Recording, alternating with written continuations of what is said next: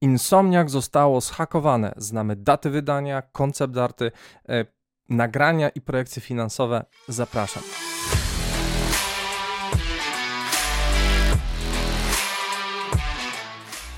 Witam serdecznie, nazywam się Grzegorz Wątroba i w dzisiejszym szybkim niecodzienniku omówimy wyciek danych e, Insomniac Games.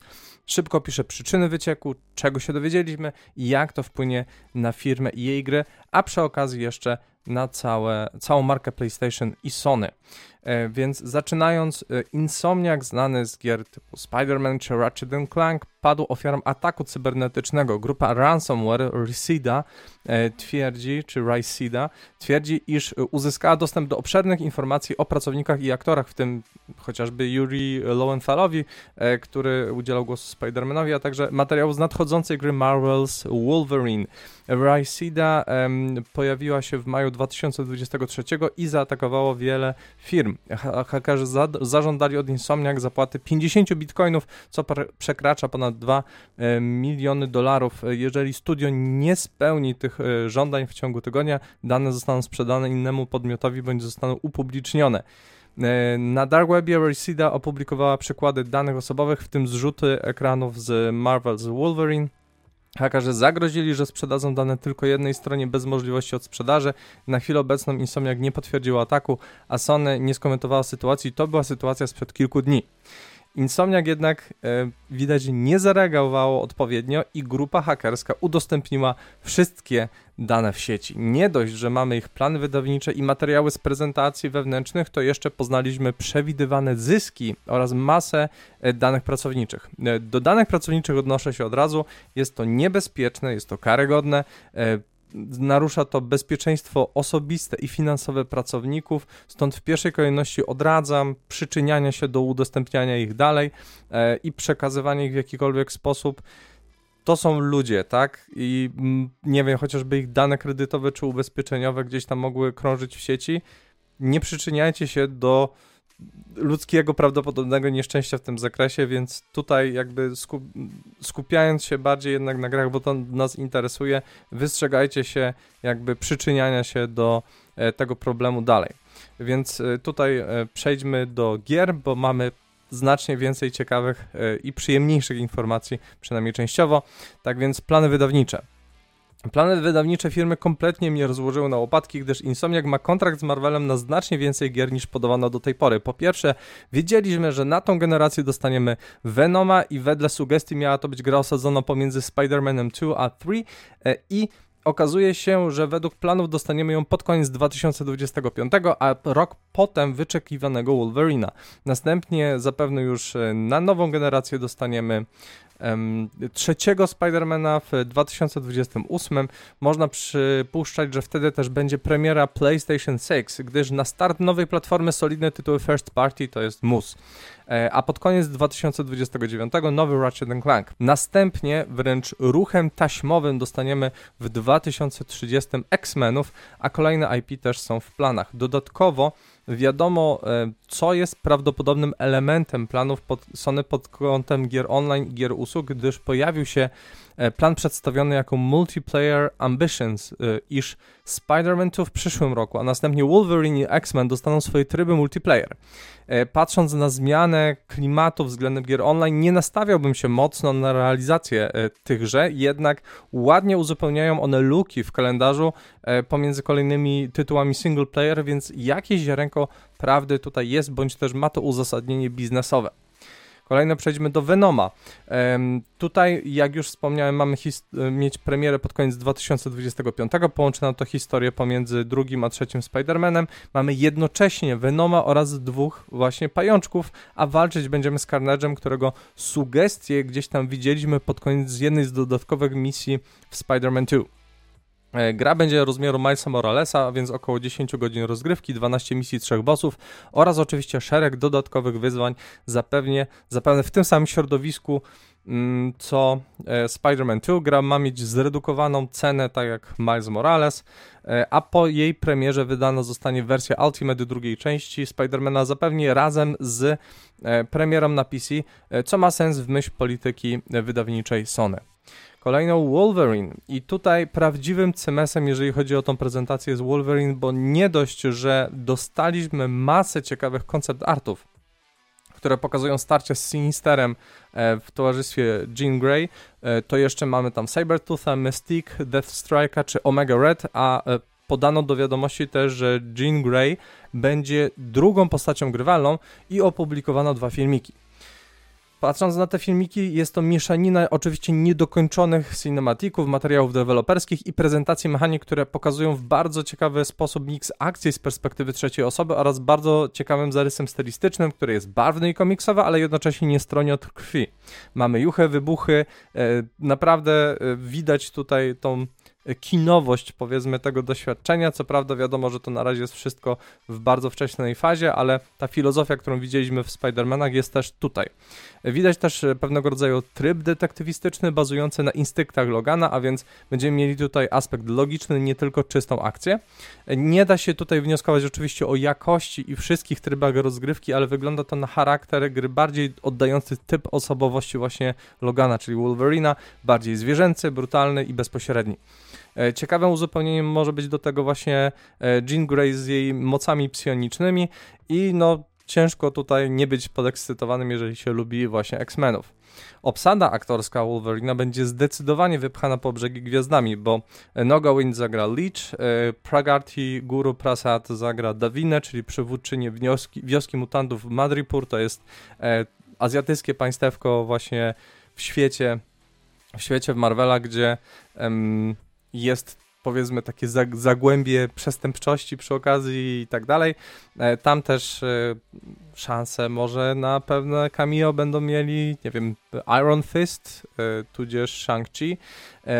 Liam McIntyre zagra Wolverina, Kelly Hu, e, Jason Hone, czyli Tiger. Tiger, Nicole, Nicole e, Passant zagra Dave, Raven Darkhold, czyli Mystique, Debra Wilson zagra Kalisto, Rafael Corkhill, Arkadiego Rosowicza, czyli Omega Red, Jonathan Toshinobu Tanigaki zagra Shiro Yoshide, czyli Sunfire, Brad Gibson, Victora Creeda, czyli Sabertootha. Jeden wielki po prostu sławny już naprawdę nie tylko e, jeżeli chodzi o aktorstwo głosowe. Troy Baker zagra Nathaniela Essexa, czyli Mr. Sinistera. E, Kirizia Bayos zagra Jean Grey, czyli drugą bohaterkę właśnie gry. Jeff Nordling e, Waltera Lankowskiego, czyli Sasquatcha i Jolene Kim zagra Yuriko Oyama, czyli Deathstrike. Także mamy tutaj obsadę naprawdę doświadczonych aktorów, część znanych też z innych mediów niż tylko właśnie aktorstwo głosowe. E, kolejno finanse i tutaj jest też bardzo interesująco. Ujawniono budżet i zasady licencjonowania gier Marvela i trzeba przyznać, że te kwoty mogą pozawracać w głowie, gdyż budżet wszystkich X-Menowych gier to około 621 milionów dolarów, z czego 120 milionów to budżet średni każdego tytułu, 30 milionów to budżet marketingowy każdej gry, 9 milionów to zaliczka dla każdego z tytułów rozliczana w dochodach. I to oczywiście może iść kumulacyjnie, dlatego bo stawiam, że jeden tytuł będzie nadbudową na kolejny i te koszty będą się odpowiednio rozkładać. Insomniac planuje zrealizować wszystkie gry do 2035 i sprzedawać, utrzymywać tytuły do 2038. Marvel do 35 nie może licencjonować ani reklamować żadnej gry z X-Menami konku dla konkurencji oraz na konkurencyjnych platformach. Postacie mogą występować oczywiście w grach, gdzie mamy bohatera zbiorowego, takiego jak właśnie Avengers. E, to generalnie daje jakby pełną narrację dla topowych gier z X-Menami pod kontrolę Sony Insomniac, także to jest też ciekawy warunek licencyjny. Marvel z tych gier ma zarabiać od 9, od 9 do 18% z dochodu netto dla dystrybucji cyfrowej, od 19 do 26% z dochodu netto dla dystrybucji pudełkowej oraz DLC, a także 35 do 50% z dochodu dla wersji kolekcjonerskich, bo oczywiście wszędzie będziemy mieli figurki, to już jest jakby pewnik.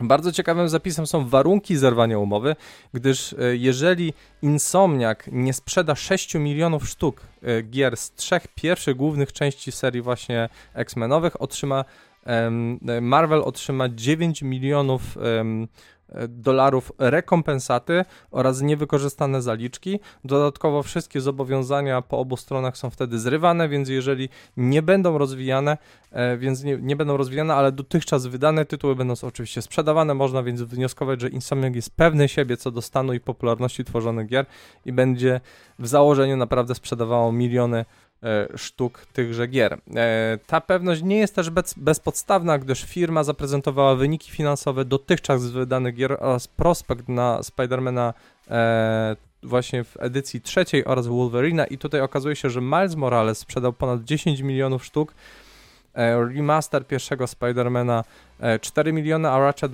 Clank 2,2 miliony. Przewiduje się, że drugi Spider-Man sumarycznie sprzeda 10,5 miliona sztuk, kontynuacja 14,5 miliona, a Wolverine 10 milionów, prawdopodobnie ze względu na ograniczenia wiekowe, no bo gra ma mieć brutalność, krew i tak dalej. E, ciekawy jest wykaz kosztów gier, gdyż Miles e, kosztował 156 milionów, remaster Spider-Mana 39 milionów, a Ratchet 81. Nowy Spider-Man w kosztach ma wpisane ponad 300 milionów, co wydaje się dość dziwne, ale może uwzględnia właśnie tryb online i każda kolejna e, z gier ma mieć e, koszt tego samego rzędu. Okazuje się jednak, że Ratchet przyniósł firmie straty na poziomie 8 milionów dolarów, co jest moim osobistym zaskoczeniem.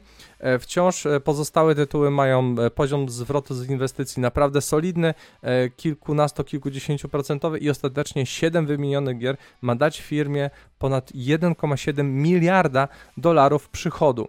W innych prospektach widać nazwy kodowe projektów zakładające budżety albo ponad 300 milionów dolarów, albo w przedziale 100-200 milionów, co świadczy zapewne o tych mniejszych produkcjach e, pokroju dodatków ala właśnie Miles Morales.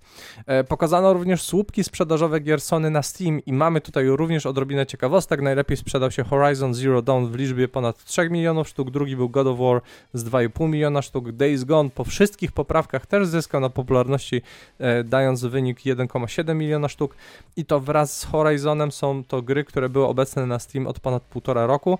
Remaster Spidermana dopiero dogania wyniki Days Gone, ale na rynku jest dopiero pół roku, więc tutaj podejrzewam, że jest jeszcze szansa na to, że to, y, ten wynik zostanie przebity. Uncharted i Miles Morales mają sprzedaż nieco ponad y, poniżej, przepraszam, pół miliona sztuk, a Sackboy A Big Adventure raptem 60 tysięcy sztuk. Zastanawiam mnie tutaj, gdzie są wyniki The Last of Us były tak złe, że nie zmieściły się w rankingu, czy uznano, że są niewspółmierne do hypu, jaki firma aplikowała względem premiery tego tytułu?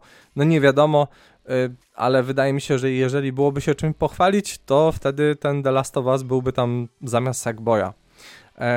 I jakie są tego wszystkiego skutki? Pamiętajcie, że wszystkie te dane zostały już przefiltrowane przez masę serwisów, są czasem interpretacją pewnych notatek i komentarzy, tym samym nie wszystkie są w pełni 100% dokładne to raz. Dwa, Insomniac zapewne zmieni je nieco chociażby ze względów marketingowych, z racji tego, że wyciek ponoć był spowodowany przez nieuwagę pracownika pracującego zdalnie, jest to kolejny kameczek do zaostrzenia reguł bezpieczeństwa w firmach, to po pierwsze, po drugie, być może nastąpi coraz silniejszy trend, by jednak pracować w biurze, gdzie łatwiej utrzymać bezpieczeństwo i określić odpowiedzialności właśnie, jeżeli coś takiego się wydarzy.